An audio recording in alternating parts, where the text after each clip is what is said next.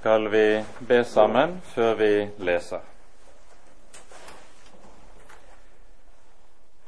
Kjære gode Gud, Hellige Far. Så takker vi deg for at vi igjen kan få lov til å samles om ditt dyrebare ord. Takk, Herre, at når vi samles slik, er det fordi vi kan regne med at det er du selv som vil ha oss i tale. Det er du selv, Herre, som vil føre oss inn i dine ord. Takk, Herre, for budskapet du har gitt oss, at din Sønn er vår frelse og vår Herre. Takk, Herre Jesus, at du er den gode hyrde. Du tar deg av dine, og ingen kan rykke dem ut av din hånd. Derfor ber vi deg, Herre, se til oss, vær hos oss du, og vil du ved din Hellige Ånd gi oss det vi trenger for at vi kan nå målet hjemme hos deg. Herre, forbarm deg over oss, du. Amen.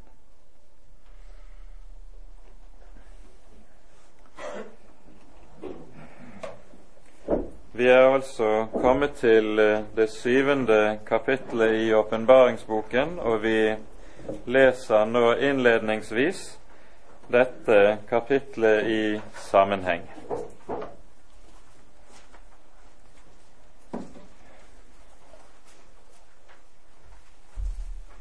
Deretter så jeg fire engler som sto på jordens fire hjørner og holdt jordens fire vinder, for at det ikke skulle blåse noen vind over jorden eller over havet eller på noe tre.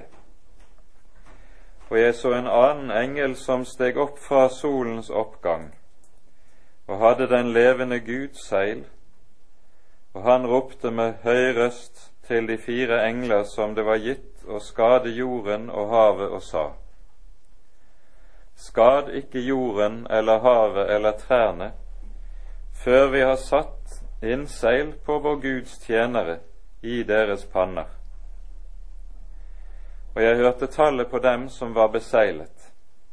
144 000 beseilede av alle Israels barns stammer. Av Judas stamme 12 000 beseilede. av Rubens stamme 12 000, av Gads stamme 12 000, av Asers stamme 12 000, av Naftalis stamme 12 000, av Manasses stamme 12 000, av Simions stamme 12 000, av Levi stamme 12 000, av Isakars stamme 12 000, av Sebulons stamme 12 000, av Josefs stamme 12 000, av Benjamins stamme 12 000 beseglede. Deretter så jeg å se en stor skare som ingen kunne telle, av alle etter og stammer og folk og tunger, som sto for tronen og for lammet, kledd i lange, hvite kjortler og med palmegrener i sine hender. Og de ropte med høy røst og sa, Frelsen tilhører vår Gud, han som sitter på tronen og lammet. Og alle englene sto omkring tronen og om de eldste, og om de fire livsvesener, og de falt ned for tronen på sitt åsyn og tilba Gud og sa, Amen. Velsignelsen og prisen og visdommen og takken og æren og makten og styrken tilhører vår Gud i all evighet. Amen. Og en av de eldste tok til orde og sa til meg, Disse som er kledd i de lange, hvite kjortler, hvem er de, og hvor kommer de fra? Og jeg sa til ham, Herre, du vet det. Og han sa til meg, Dette er de som kommer ut av den store trengsel, og de har tvettet sine kjortler og gjort dem hvite i lammets blod. Derfor er de for Guds trone, og tjener ham dag og natt i hans tempel, og han som sitter på tronen, skal reise sin bolig over dem. De skal ikke hungre mer, heller ikke tørste mer. Solen skal heller ikke falle på dem, eller noen hete. For lammet som er midt for tronen, skal vokte dem og føre dem til livets vannkilder, og Gud skal tørke bort hver tåre av deres øyne. Amen.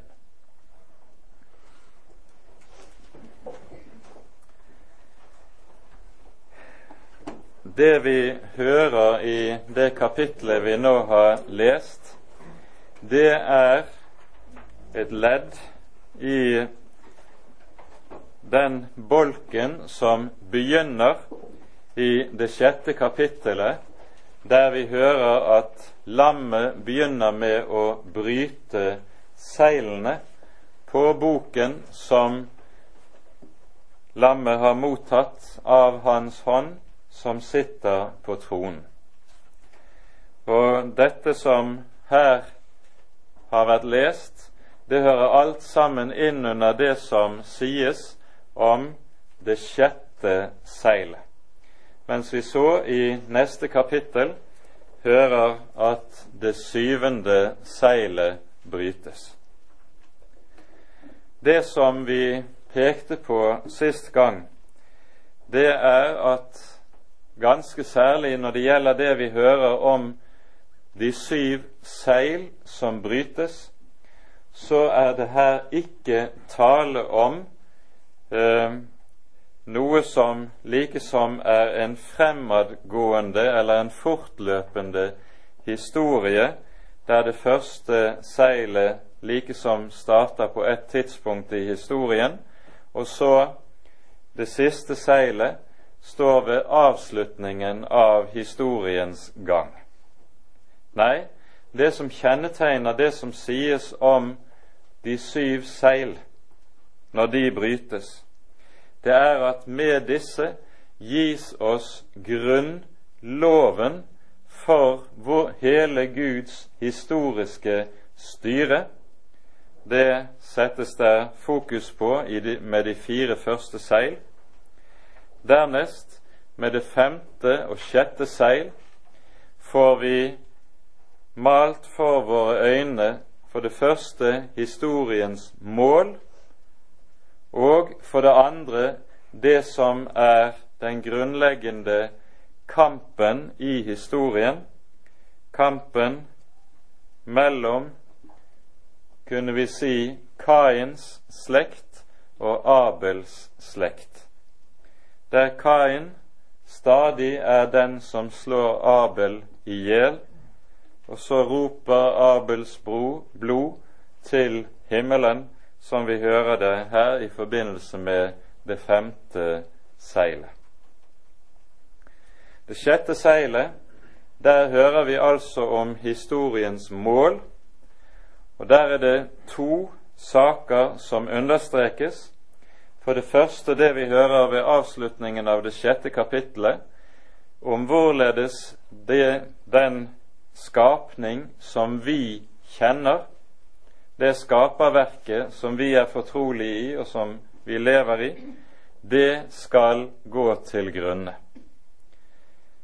Dette utfoldes jo videre og mer vidtgående lenger ute i åpenbaringsboken. Her er det bare kun pekt på med korte strøk, malt liksom med bred pensel. Og så hører vi om nå i kapittel 7. Målet og de som når målet. Dette er så mye vi må være klar over når det gjelder det som har med de syv seilene å gjøre. Vi må altså ikke lese denne delen av åpenbaringsboken kronologisk. Det som vi her hører i første halvdel av det syvende kapittelet, det er nå om så å si forberedelsene til det siste store sluttdramaet, det som gjentatte ganger kalles for den store trengsel i åpenbaringsboken. Det som da skal skje, det utfoldes i det 13., 14. og 15. kapittel i boken. Og det sies ikke stort om dette her ved denne anledning. Og Det som står der i disse kapitlene lenger ute, det er det som går umiddelbart forut for enden, forut for Kristi gjenkomst. Forberedelsen til dette består i at nå får Johannes se fire engler som holder de fire verdens vinnende i sin hånd, stå ved de fire verdens hjørner. Det er så å si like før stormen skal bryte løs over verden. Og den storm som nå snart skal bryte løs forut for avslutningen, det er en storm som henger sammen med den grunnlov som er gitt i, hos profeten Hosea i det åttende kapittel, der det står slik i det syvende verset. Vind sår de, storm skal de høste. Det er så å si en variant av det ordet som vi har vært inne på tidligere i Galaterbrevets sjette kapittel, der vi hører det sies det et menneske sår, skal det også høste. Den som sår i sitt kjød, skal høste fordervelse av kjødet. Den som sår i Ånden, skal høste evig liv av Ånden. Det er denne lov som gjelder så tid og høst, som det handler om også i denne sammenheng. De sår vind, de skal høste storm. Og det er denne storm som nå like som det står der klar til å bryte løs. Men nå er det enda stille før stormen. Den får ikke lov til å bryte løs før Herren har satt seil på sine.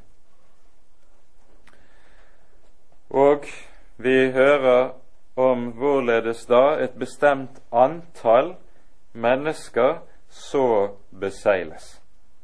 Og så kunne vi spørre hva er det nå det er tale om denne, ved denne anledning? For det første skal vi være klar over at det som vi her hører om, det er omtalt en gang tidligere i vår bibel. I Esekiels bok, i det niende kapittelet, hører vi om en tilsvarende beseiling av en gruppe mennesker. Dette utspinner seg i Jerusalem umiddelbart før Jerusalems ødeleggelse ved babylonernes hånd i år 587 før Kristus. Og Jerusalems ødeleggelse ved den anledning, det er et av de grunnleggende forbildene senere i Bibelen på avslutningen av denne verden og denne tidsalder. Det ser vi ikke minst ut fra Jesu undervisning om de siste ting i Matteusevangeliets 24. kapittel. Men altså umiddelbart forut for Jerusalems ødeleggelse hører vi det fortelles i Esekiels bok, 9. kapittel, og vi leser da fra vers 1. Jeg hørte ham rope med høy røst og si:" Kom hit med hjemsøkelsen over staden hver med sitt ødeleggelsesredskap i sin hånd. Og se, der kom seks menn på veien gjennom den øvre port som vender mot nord, hver med sitt ødeleggelsesredskap i sin hånd. Midt iblant dem var der en mann som var kledd i linklær, og hadde et skrivetøy ved sin lend. Og de kom inn og stilte seg ved siden av kobberalteret. Og Israels Guds herlighet hevet seg opp fra kjerubene som den hvilte på, og flyttet seg til husets dørterskel. Og han ropte til den mann som var kledd i linklærne og hadde skrivetøyet ved sin lend. Herren sa til ham, Gå midt igjennom staden, midt igjennom Jerusalem, og sett et tegn i pannen på de menn som sukker og jamrer over alle de vederstyggelige ting som skjer der.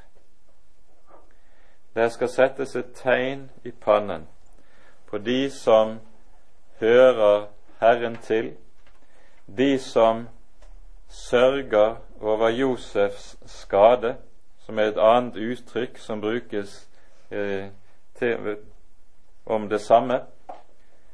Og dette tegnet skal fortelle noe ganske bestemt, nemlig hvem disse tilhører. Det er et bymerke som sier disse er Herrens egen eiendom, og som Han skal sørge for å ta seg av og verne.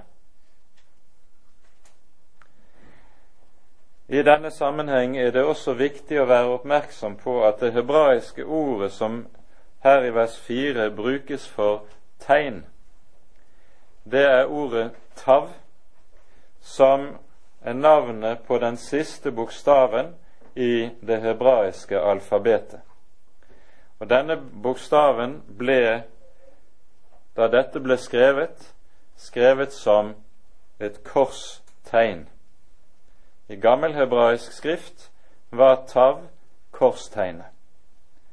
Og Det er underlig å tenke på at engelen altså får befaling om å sette et korsmerke i panen på alle de som skal spares i Jerusalem. De skal spares gjennom dommen og ødeleggelsen. De skal vernes og holdes oppe når alt annet faller.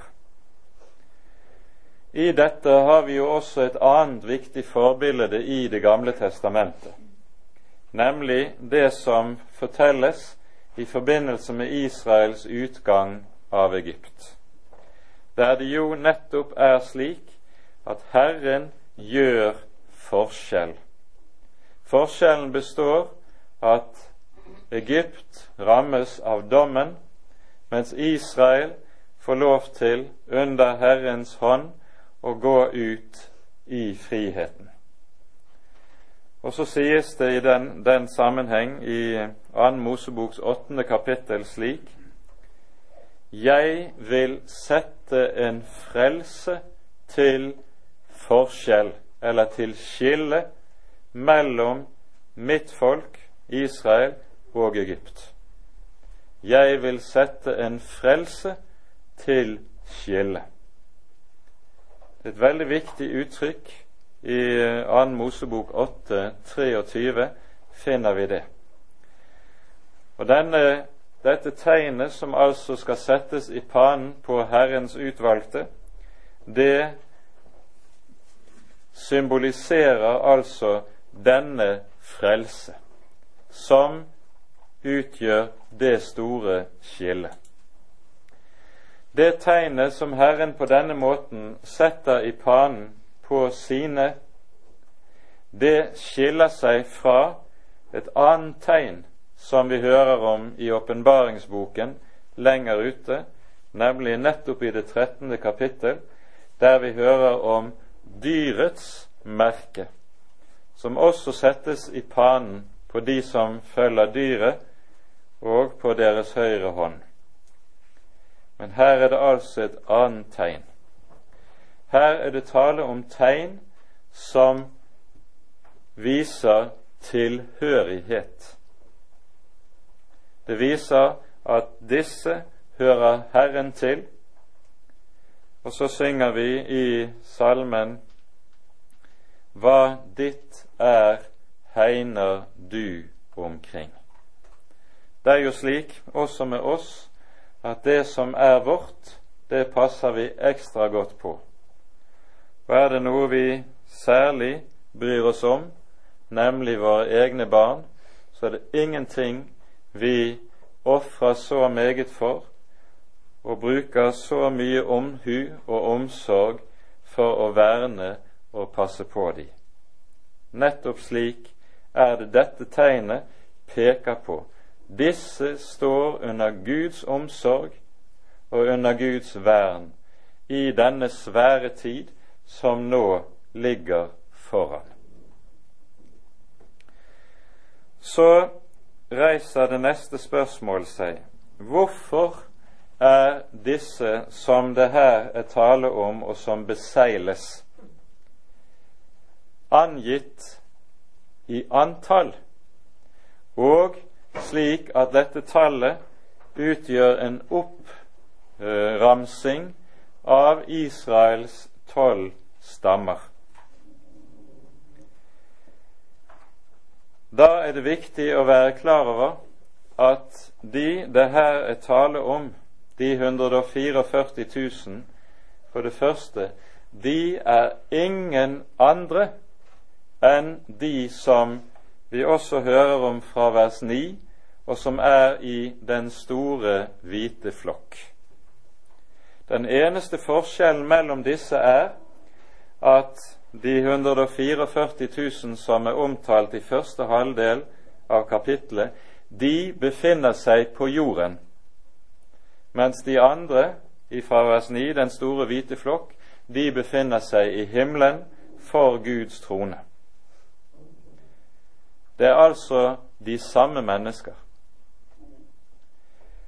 Grunnen til at disse står angitt med tanke på antall, det er at Bibelen forteller oss med det at Herren har holdt nøye opptelling med sine og vet hvem de er, vet hvor mange de er, vet hvor de er, vet hvor de hører til. Vi kunne i denne sammenheng særlig minne om Salme 87, som er en salme som taler nettopp om hvorledes hedningene skal få del i Israels velsignelse i den siste tid. Det er en kort salme, og derfor leser vi alle disse syv versene, men dere vil se betydningen av denne salmen i denne sammenheng. Det er en salme om Sion og den velsignelse som Sion skal få del i, og som skal utgå fra Sion. Den stad han har grunnfestet på de hellige berg. Sions porter elsker Herren fremfor alle Jakobs boliger. Herlige ting er sagt om deg, du Guds stad, Sela. Jeg nevner Rahab og Babel, blant dem som kjenner meg. Se, filisteren og tyrieren med etioperen, denne er født der. Og om Sion skal det sies, hver og en er født der, og han, den høyeste, gjør det fast. Herren skal telle når folkene blir oppskrevet, og si, denne er født der, Sela. Og de som synger og danser, skal si, alle mine kilder er i deg.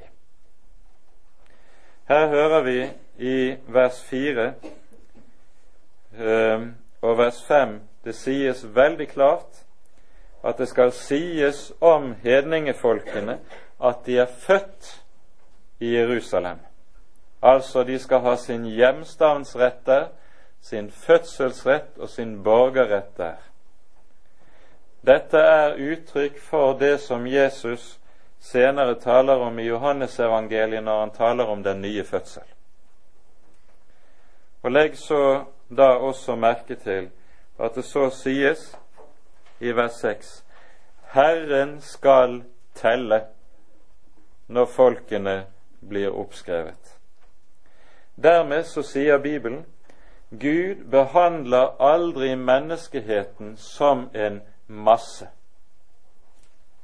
men han kjenner hvert enkelt menneske, om de er aldri så mange.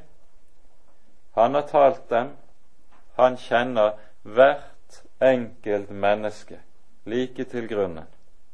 Han vet hvem som hører han til. Det er ikke skjult for ham. Herren skal telle når folkene blir oppskrevet, og si denne er født der. Her er det en som hører hjemme i min hellige stad, hjemme hos meg. Og så er han dermed under Herrens vern. Dette er også bakgrunnen for at disse som det her er tale om, de kalles med Israels stammenavn. For i Det nye testamentet er det jo slik at hedningene de eh, omtales som slike som kun har fått del i Israels velsignelse, Israels rot og fedme, bruker, er det uttrykket Paulus bruker i Romerbrevets ellevte kapittel, når han beskriver hedningefolkene som slike kvister som blir podet inn på oljetreet som er Israel. Og så får vi del i oljetreets rot og fedme, er uttrykket. Og I tråd med dette så finner vi flere steder i Det nye testamentet også at også de hedninge kristne kalles for Israel. Paulus sier det f.eks. i Galaterbrevet 6.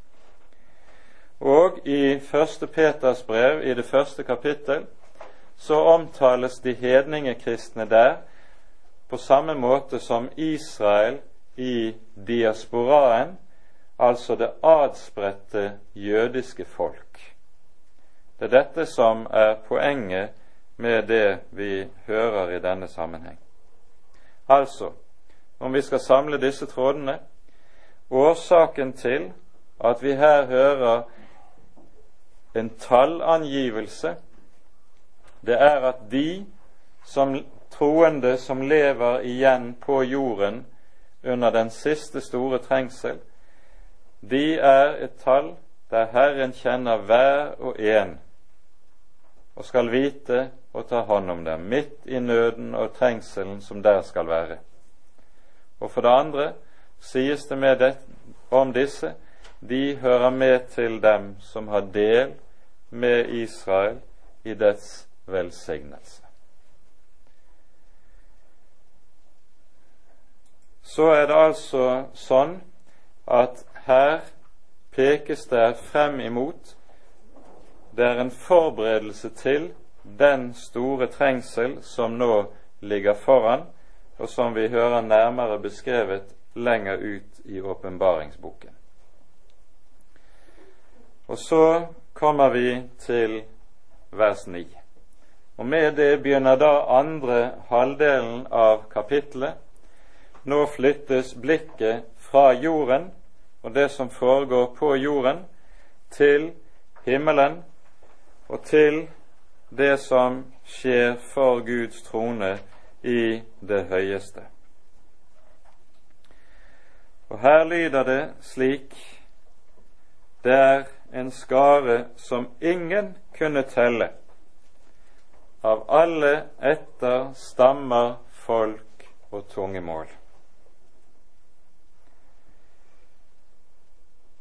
Når det så sies at her er det ingen som kan telle, så sies det med det at i motsetning til den siste epoken i historien, avslutningen med den store trengsel, hvor det skal være et relativt lite antall troende igjen her i verden, så er det ikke situasjonen i himmelen.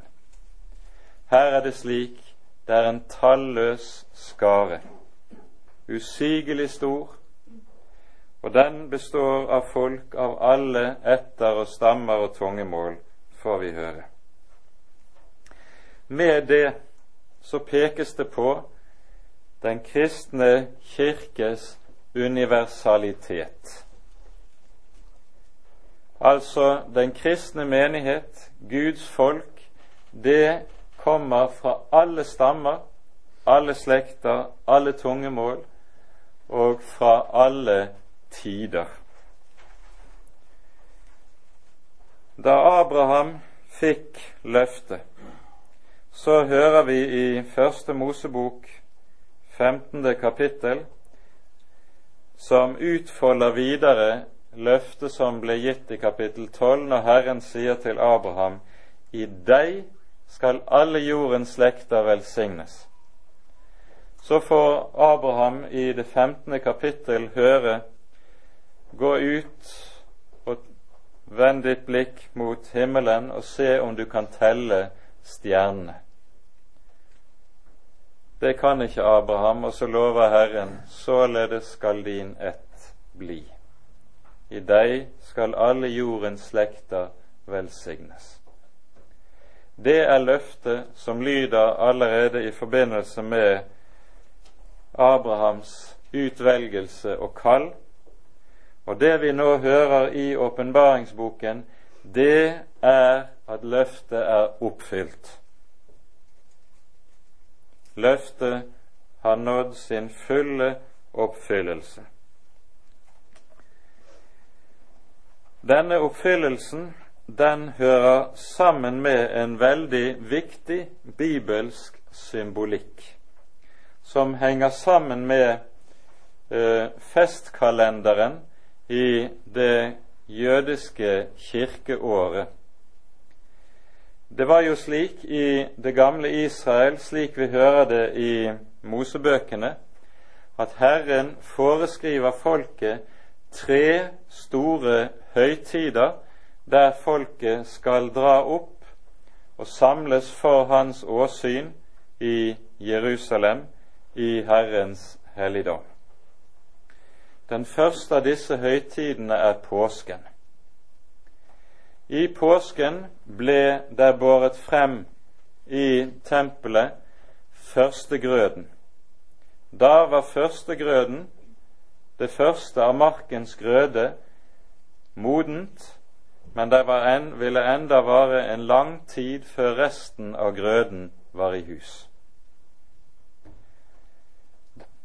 Dette er i Det nye testamentet avbildet med at Jesus i og med oppstandelsen fra de døde kalles også førstegrøden av de døde.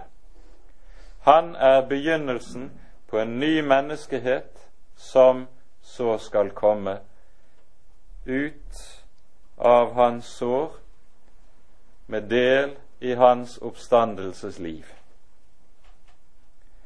Den andre store valfartshøytiden i Israel, det var pinsefesten. Pinsefesten den var også en innhøstningshøytid. Da, ble, da feiret man i helligdommen at hele kornhøsten var kommet i hus. Pinsen var altså en slags høsttakkefest, og det er dypt symbolsk at det er nettopp ved denne tiden at Gud utgyter sin hellige ånd i Jerusalem, og så er det nettopp ved denne anledning samlet folk av de mest forskjellige tungemål for Guds ansikt. Og dette anskueliggjør at nå er det innhøstningen virkelig for alvor har tatt til. Og så skal det høstes inn av alle folk, av alle etter og av alle tungemål. Men pinsefesten avslutter ikke innhøstningen. Den er en takkefest for kornhøsten. Den siste store festen, det er løvhyttefesten. Den faller i slutten av september, begynnelsen av oktober måned. Da har også den øvrige grøden kommet i hus. Det vil si druene, vinhøsten, høsten fra oljetrærne, alle de ulike fruktslagene som vokser, nå er også det høstet inn. Nå er høsten endelig avsluttet. Og så feires løvhyttefesten i Jerusalem, som er den egentlige takkefest i Det gamle testamentet. Løvhyttefesten er også det gammeltestamentlige forbildet som enda ikke har fått sin oppfyllelse. Denne høytiden, denne festen, får nemlig sin oppfyllelse først her, det ligger foran i fremtiden, i det som nå beskrives i det syvende kapittel i åpenbaringsboken, og som vi hører om igjen i kapittel 21 og 22, også i åpenbaringsboken. Når det gjaldt løvhyttefesten, så var det da slik at den for det første var en fest med takk og lov til Gud for at alt var kommet i hus. Herren hadde velsignet sitt folk, markens grøde var kommet i hus. Og til løvhyttefesten hører derfor også en annen salme i Salmenes bok, som er viktig i så måte, og det er den 67. salmen. Vi kan lese et par vers fra, også fra denne.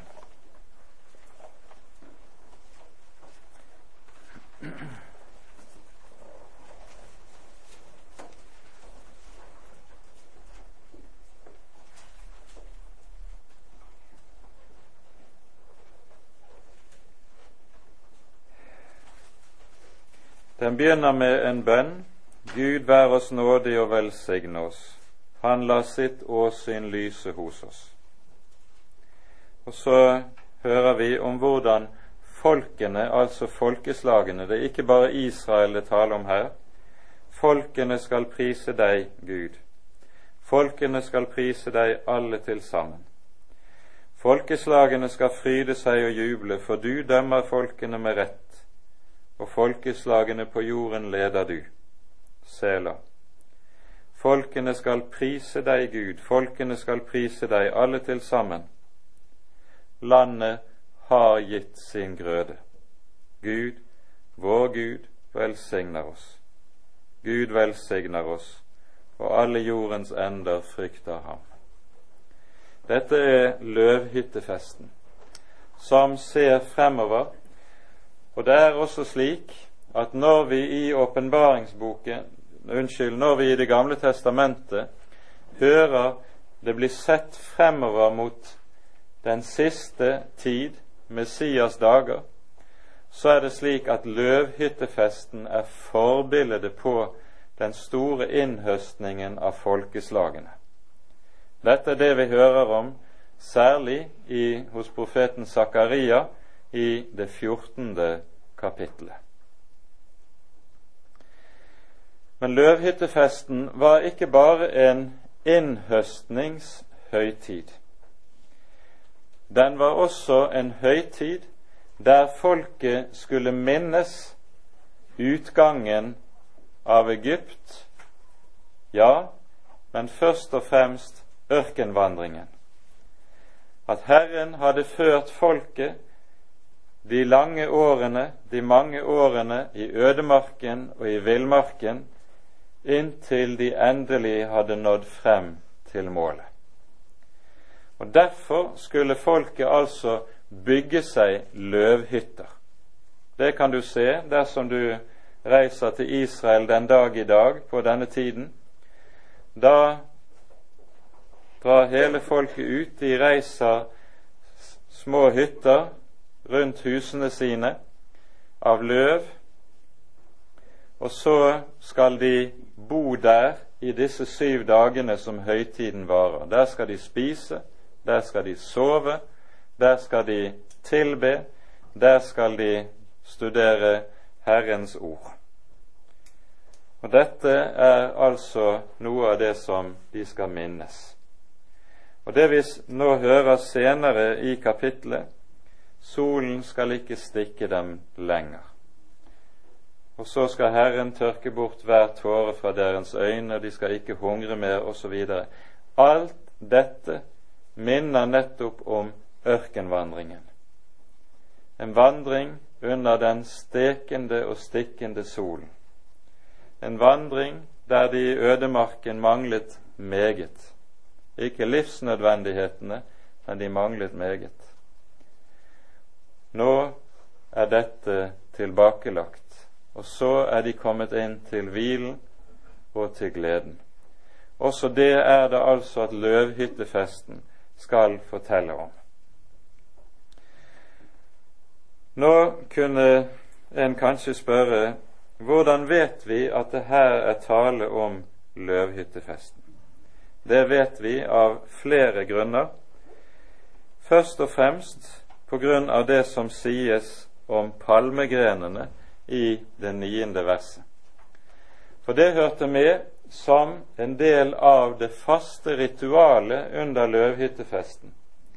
At da skulle Israel hogge grener av palmetrær, av frukttrær og av piletrær som de hadde med seg opp i tempelet og så gikk en i høytidelig prosesjon omkring i tempelet og rundt alteret, mens en sang salmene fra Salme 118 først og fremst, og så mens en sang, så viftet en med begge hendene i været med grenene av de grønne trærne og ropte og jublet først og fremst Salme 118, 25, Hosianna i det høyeste.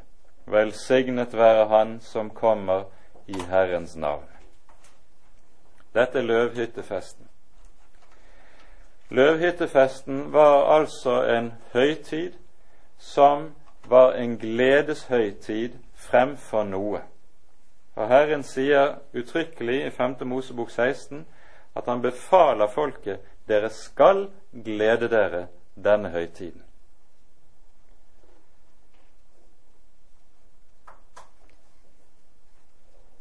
Det vi hører sies ved denne anledning, de ropte med høy røst og sa:" Frelsen tilhører vår Gud, Han som sitter på tronen og lammet.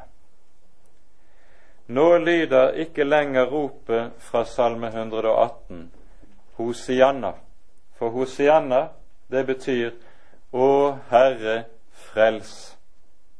Det er en bønn et rop om frelse og om å få nå målet.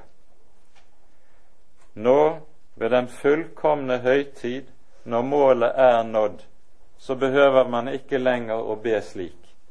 Å Herre, frels. Nei, nå roper en i stedet med takk. Frelsen tilhører vår Gud og lammet. For målet er nådd. Løftet er oppfylt det er fullkomment. Og så hører vi i det neste verset på ny gjenklangen av tilbedelsen i det høye.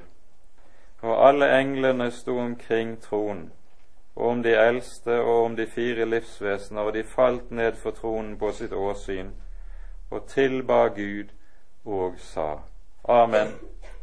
Velsignelsen og prisen og visdommen og takken og æren og makten og styrken tilhører vår Gud i all evighet.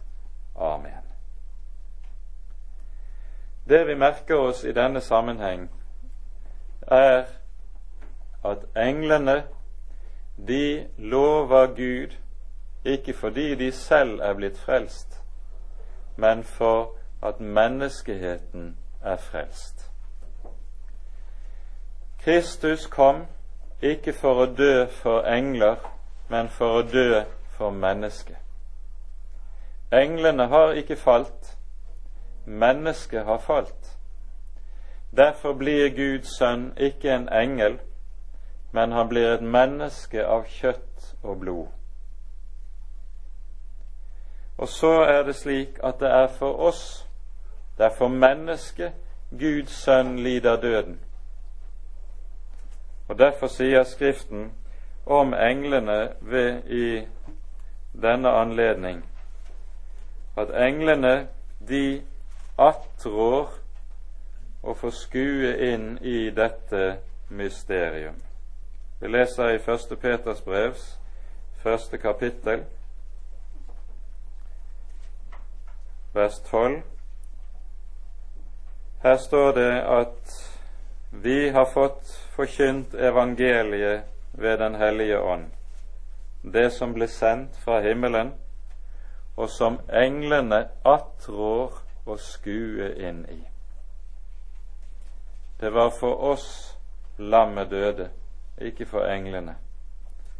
Og så står englene så å si på siden og undrer seg over at den treenige Guds sønn kan stige så dypt ned, gi så meget for å frelse menneskeheten, og i sin store undring tilber de. Og det dette, denne englenes undring og sang og tilbedelse vi her er vitne til. Det er denne englenes undring vi hører om allerede julenatt på Betlehemsmarkene, der også englene står, like som på siden og undrer seg over Han som fødes i vårt kjøtt og blod. Ære være Gud i det høyeste, og fred på jorden i mennesker Hans velbehag. Det er den samme sangen hele veien. Og så står den der, denne vekselsang mellom en frelst menneskehet på den ene siden og en jublende engleskare på den andre side, som undrer seg over denne veldige frelse. Når vi nå har fått høre lovsangen, så hører vi i vers 13 og 14 forklaringen på uttydningen av det som Johannes nå er vitne til. En av de eldste tok til orde og sa til meg, disse som er kledd i de lange, hvite kjortler, hvem er de, hvor kommer de fra? Og Johannes svarer, Herre, du vet det. En kunne kanskje undre seg over hvorfor vet ikke Johannes hvem dette er? Men tenker vi etter, så er det kanskje ikke så underlig likevel. Johannes lever, han er vel ved denne, dette tidspunkt eh, rundt 90 år gammel. Vi befinner oss rundt år 93, 94, 95 etter Kristus. Hva slags kristenhet er det Johannes kjenner? Om denne sier Paulus Legg merke til deres kall, brødre. Ikke mange store ble kalt, ikke mange mektige, ikke mange vise i denne verden. Men hva var det Gud utvalgte? De små, de svake. Det som ingenting er, sies det sågar. Og slik er det også Johannes kjenner Guds folk. De er få i det veldige Romerriket. De er små og hjelpeløse i møte med Romerrikets veldige makt.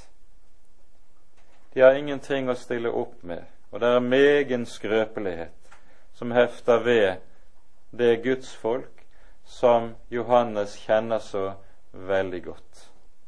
Det er liksom ikke stort verken av herlighet eller stort som vitner om at her er det så meget vidunderlig ute og går.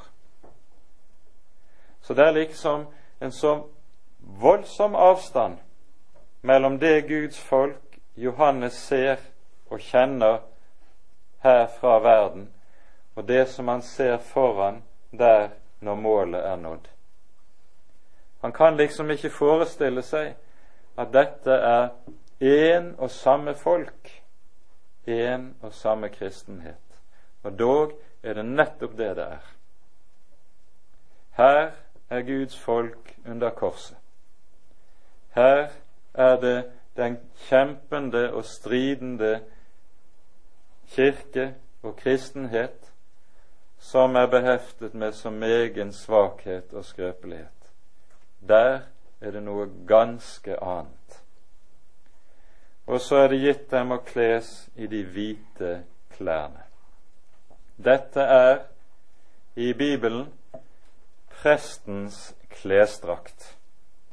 Presten som gjør tjeneste i tempelet, han var, med unntak av øverstepresten, alltid kledd i rene, hvite linklær. Nettopp dette er jo også et viktig sak som åpenbaringsboken gjentar stadig og peker på. Vi er kjøpt ved lammets blod til å være prester for Gud. Denne prestens klesdrakt hadde i Det gamle testamentet et eget navn. Den ble kalt for Den hellige skrud, eller Den hellige prydelse. Det står skrevet om denne i den 96. salmen slik Tilbe Herren i hellig skrud. Bev for Hans åsyn all jorden. Og Da er det nettopp tale om disse som er kledd i prestens hvite drakt, og som tilber i denne hvite klesdrakten. Den hvite farven er jo renhetens farve, rettferdighetens og hellighetens farge. Og Derfor var det denne farge prestene også skulle ha i helligdommen. Nå får Johannes høre mer. Han får høre hva det er som gjør at disse har nådd frem de har tvettet sine kjortler og gjort dem hvite i lammets blod. Neste vers står det derfor er de for troen. Altså ingen annen grunn. Det et menneske blir frelst på og ved, er hva Jesus med sitt blod gjorde da han ble ofret på korset. Derfor er de for tronen og tjener ham dag og natt. Det er altså ikke på grunnlag av sin helliggjørelse de har nådd frem. Det er ikke på grunnlag av sin tjeneste for Gud at de har nådd frem. Det er ene og alene på grunn av hva Jesus har gjort. Og Derfor er det også slik at når Guds sønn på den siste store dag står for tronen, så slår han så å si ut med hendene og sier:" Her er jeg og alle de barn du har gitt meg. Vi leser det i Hebreabrevets andre kapittel for det er i kraft av Hans død, Hans blod, vi har nådd frem. Om dette Kristi blod sies det i 1. Johannes brev slik Jesu Kristi Guds Sønns blod renser fra all synd. All. Derfor er de for troen. Til sist sies det altså også om disse at dette er de som er kommet ut av den store trengsel. Altså skaren består av de som har overvunnet gjennom den siste store antikristelige trengsel. Og denne trengsel er så å si kronen på all annen trengsel som Guds folk må oppleve her i verden. Paulus sier i apostelgjerningene 14 til menighetene vi må gå inn i Guds rike gjennom mange trengsler. Det er grunnvilkåret for Guds folk her i tiden. Vi må gå inn i Guds rike gjennom mange trengsler.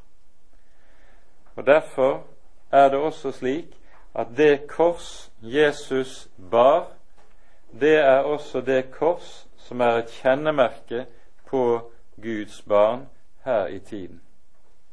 En tjener er ikke større enn sin herre. Har de hatet meg, skal de også hate dere.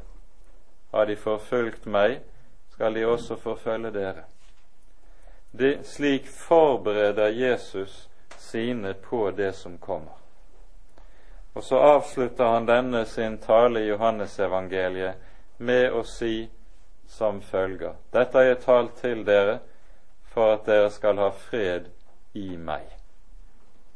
I verden har dere trengsel, men frykt ikke. Jeg har overvunnet verden. Det gjelder også den verden som ytrer seg med sitt veldige fiendskap i den siste krampestrekning under Antikrists epoke senere hen. Derfor er de for hans trone og tjener ham dag og natt i hans tempel. Og Dette er altså et bilde på den evige hvile, som altså ikke er ørkesløs eller virkesløs, men består i en jubel som er uten ende. Og så sies det de tjener ham i hans tempel, og han som sitter på tronen, skal reise sin bolig over den. Dette er også noe vi finner en stadig gjenklang av i Salmenes bok. I den 27. salmen leser vi slik Én ting har jeg bedt Herren om, det stunder jeg etter, at jeg må bo i Herrens hus gjennom lange tider, for å skue Herrens livlighet og grønne i Hans tempel. Og I Salme 23 vil dere huske det står Jeg skal bo i Herrens hus gjennom lange tider. Og alt dette sammenfattes likesom, eller utlegges, så i den 84. salmen, som i sin helhet handler om hvor livlig, hvor herlig, hvor vidunderlig det er det å få bo i Herrens hus og i Herrens helligdom, og være blant Hans utvalgte.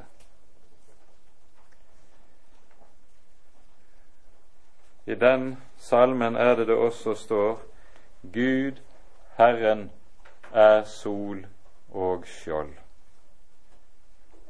og han er et vern for sin salvede. Dette er det vi så hører tale om i de siste versene, og så kommer minnet, løvsalsfestens minne om ørkenvandringen tilbake. De skal ikke hungre mer heller ikke tørste mer. Solen skal heller ikke falle på dem eller noen hete, for lammet som er midt for tronen, skal vokte dem og føre dem til livsens vannkilder. Gud skal tørke bort hver tåre av deres øyne. På løvsalsfestens siste store dag så var det en særlig seremoni i tempelet i Jerusalem. Da gikk øverstepresten i spissen for en stor prosesjon av prestene og hele folket ut fra tempelet med en skål av gull i hendene sine. Og så gikk han ned trappen til den nedre byen, der dammen Siloa lå. Der nede fylte han gullskålen med vann fra Siloakilden. Og så gikk folket syngende tilbake mens de sang Salme 113 til 118 i prosesjon opp igjen til tempelet, og når de så kommer opp til tempelet, helles vannet ut ved foten av brennofferalteret idet en synger Jesajas tolvte kapittel, der det lyder slik i det tredje verset Dere skal øse vann med glede av frelsens kilder. Antagelig er det ved denne anledning det skjer som vi hører i Johannesevangeliets syvende kapittel, der Jesus nettopp på denne dag i høytiden står frem i tempelet og roper ut Om noen tørster, han komme til meg og drikke. Og av hans liv skal det, som Skriften sier, renne strømmer av levende vann. Johannes 7, 37 og 38. Vi forstår altså at selv inn i alle detaljer i det vi her hører om, så er det det store gammeltestamentlige forbildet i løvhyttefesten som ligger bak. Og ser vi etter i Jesaja-boken i det tolvte kapittel, så er det også slik at dette tolvte kapitlet hos Jesaja, det står som avslutning på første hoveddel av Jesaja-boken, Immanuelsboken, der vi nettopp i det foregående kapittel 11 hører om hvorledes hele menneskeheten skal frelses ved Messias. Og så er det det lyder i kapittel 12, sangen som lyder nettopp fra et frelst Israel og fra en frelst menneskehet. Vi leser denne lovsangen. På den tid skal du si, Jeg takker deg, Herre, for du var vred på meg, men din vrede hørte opp, og du trøstet meg. Se, Gud er min frelse. Jeg er trygg og frykter ikke, for Herren Israels Gud er min styrke og lovsang, og han ble meg til frelse. Og dere skal øse vann med glede av frelsens kilder. Og dere skal si på den tid, Takk Herren, påkall Hans navn, kunngjør Hans gjerninger blant folkene, forkynn at Han er opphøyet. Syng Herrens pris, for herlige ting har Han gjort. La dette bli kunngjort over hele jorden. Rop høyt og juble, dere Sions innbyggere. Stor er Israels hellige midt iblant dere. Ja, nettopp det er det som skal sannes der innenfor tronen og for lammet. Stor er Israels hellige midt iblant oss. Amen. Ære være Faderen og Sønnen og Den hellige ånd, som var og er og være skal, en sann Gud, høylovet i evighet. Amen.